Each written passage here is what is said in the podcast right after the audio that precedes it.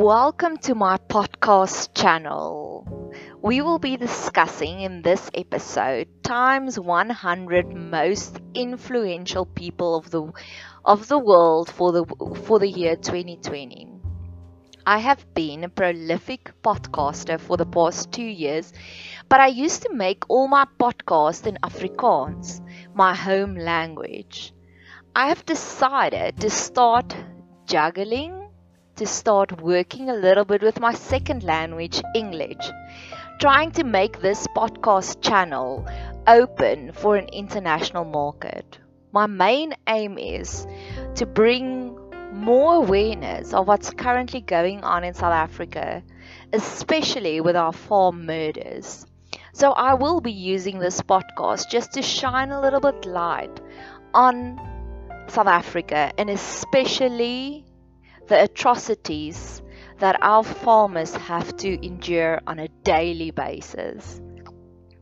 Please make contact with us if you'd like to know more. We are on Facebook, we are on Instagram. Please leave a comment in the comment box below if you'd like to have more information. Our name is our ministry's name. We've got a ministry for women, helping them to find their way towards emotional healing. We call ourselves a Hebrew name Bet Seber, literally meaning house of hope. I will spell it for you B E T S E B E R. Bet Seber, also the name of this podcast channel. I hope you enjoy my journey through time's 100 most influential people for the for the world for the year 2020.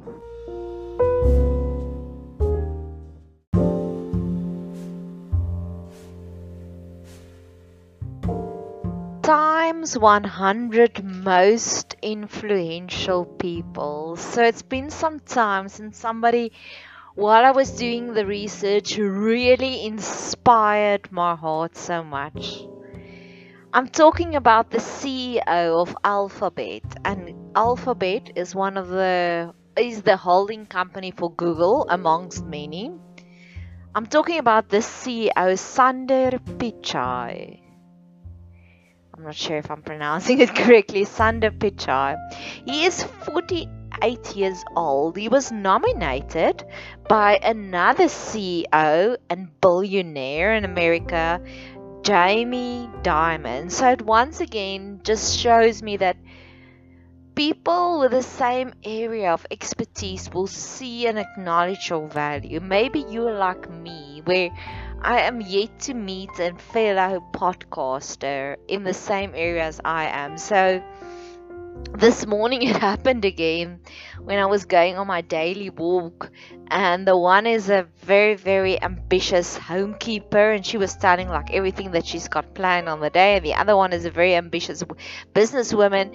And then they turned to me and said, Okay, Nadia, what are you gonna do today? I'm like, I want to do this podcast and this podcast, and they were like, Okay, weird. but, any anyways, so sometimes we are just undervalued, underestimated, not seen because we associate ourselves with people that's not in the same area or industry as we are.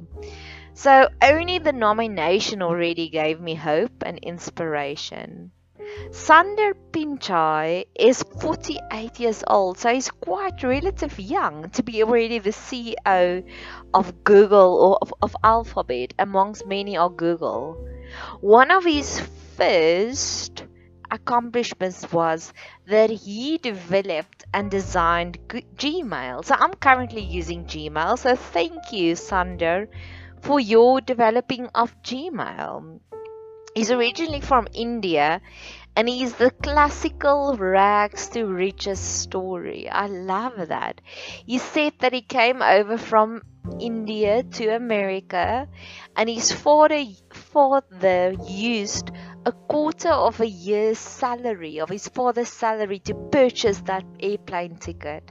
He describes in one of the videos that I watched that it was so expensive in America and he was so lonely, but it was so expensive that he wanted to buy a backpack, and the backpack was the same amount of money that his father's salary was for one month. I'm like, whoa, that's how expensive it was for him to come to America.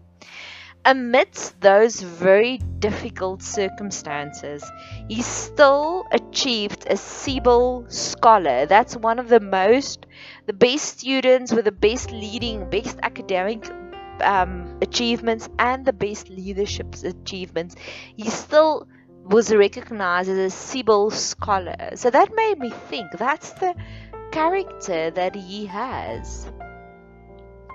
Even when he's going through difficult circumstances, he's still a top student. So I salute you, Sundar.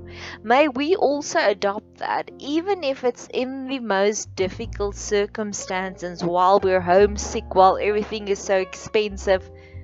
May we still be overachievers. So that's my prayer or my wish for you and for me. He started by being a metallurgical engineer and then he was so hooked on technology that he changed to become to do an MBA and then he went over to Google. And I love that. Sometimes, well, yes, we can just follow our passions. And that's one of the things that he reiterated in his speech, the speech to the 20, class of 2020. I love the fact that he is with Gmail, with Google, it's constantly innovation. Gmail, he's telling, uh, I listened to the one speech how he said that preemptive text, how he designed that, and with the Google Photos. So may we also be like Google. May we always be as innovating as Google. That's my prayer and my wish for you. He grew up in a middle class, like they never had a car, and he's 48 years old. I mean, my parents grew up with girls, and he's 10 years younger than my parents. He encourages people to be frustrated because he says that the frustration and the impatience that actually leads to progress and new developments. I love the fact how he constantly in many of his speeches uses his emotions as fuel for development. He gives this quote about being impatient. Not impatient, sorry, sorry insecure, and I actually want to read it to you. Let yourself feel insecure from time to time. It will help you grow as an individual. He describes that he was so inspired by the wonder of technology that he changed his career from being an engineer to going into technology. I think that's one of the biggest blessings and the biggest gifts that we can receive daily is just being inspired by the wonder. I'm currently busy th- working through Isaiah, and one of the the gifts that the Holy Spirit is giving us is the the gift of being in awe with God, having that awestruck wonder moment in everything. So, yes, I love the fact that he acknowledges that. I would like to end up for now because I was so inspired. Do yourself a, a gift. Give yourself a gift and do yourself a favor. Go and listen to his inspirational speech for the class of 2020. But I want to end off for now and I'm gonna watch another video so maybe there will be another sequel to Sundar Pichai. But listen to this marvelous quote. The important thing is to be open minded. So if you can find what you love, so take the time to find the thing that excites you more than anything else in the world. Not the thing that your parents want you to do or the thing that all your friends are doing or what society expects from you. So, may we really take the time to find the thing that excites us the most.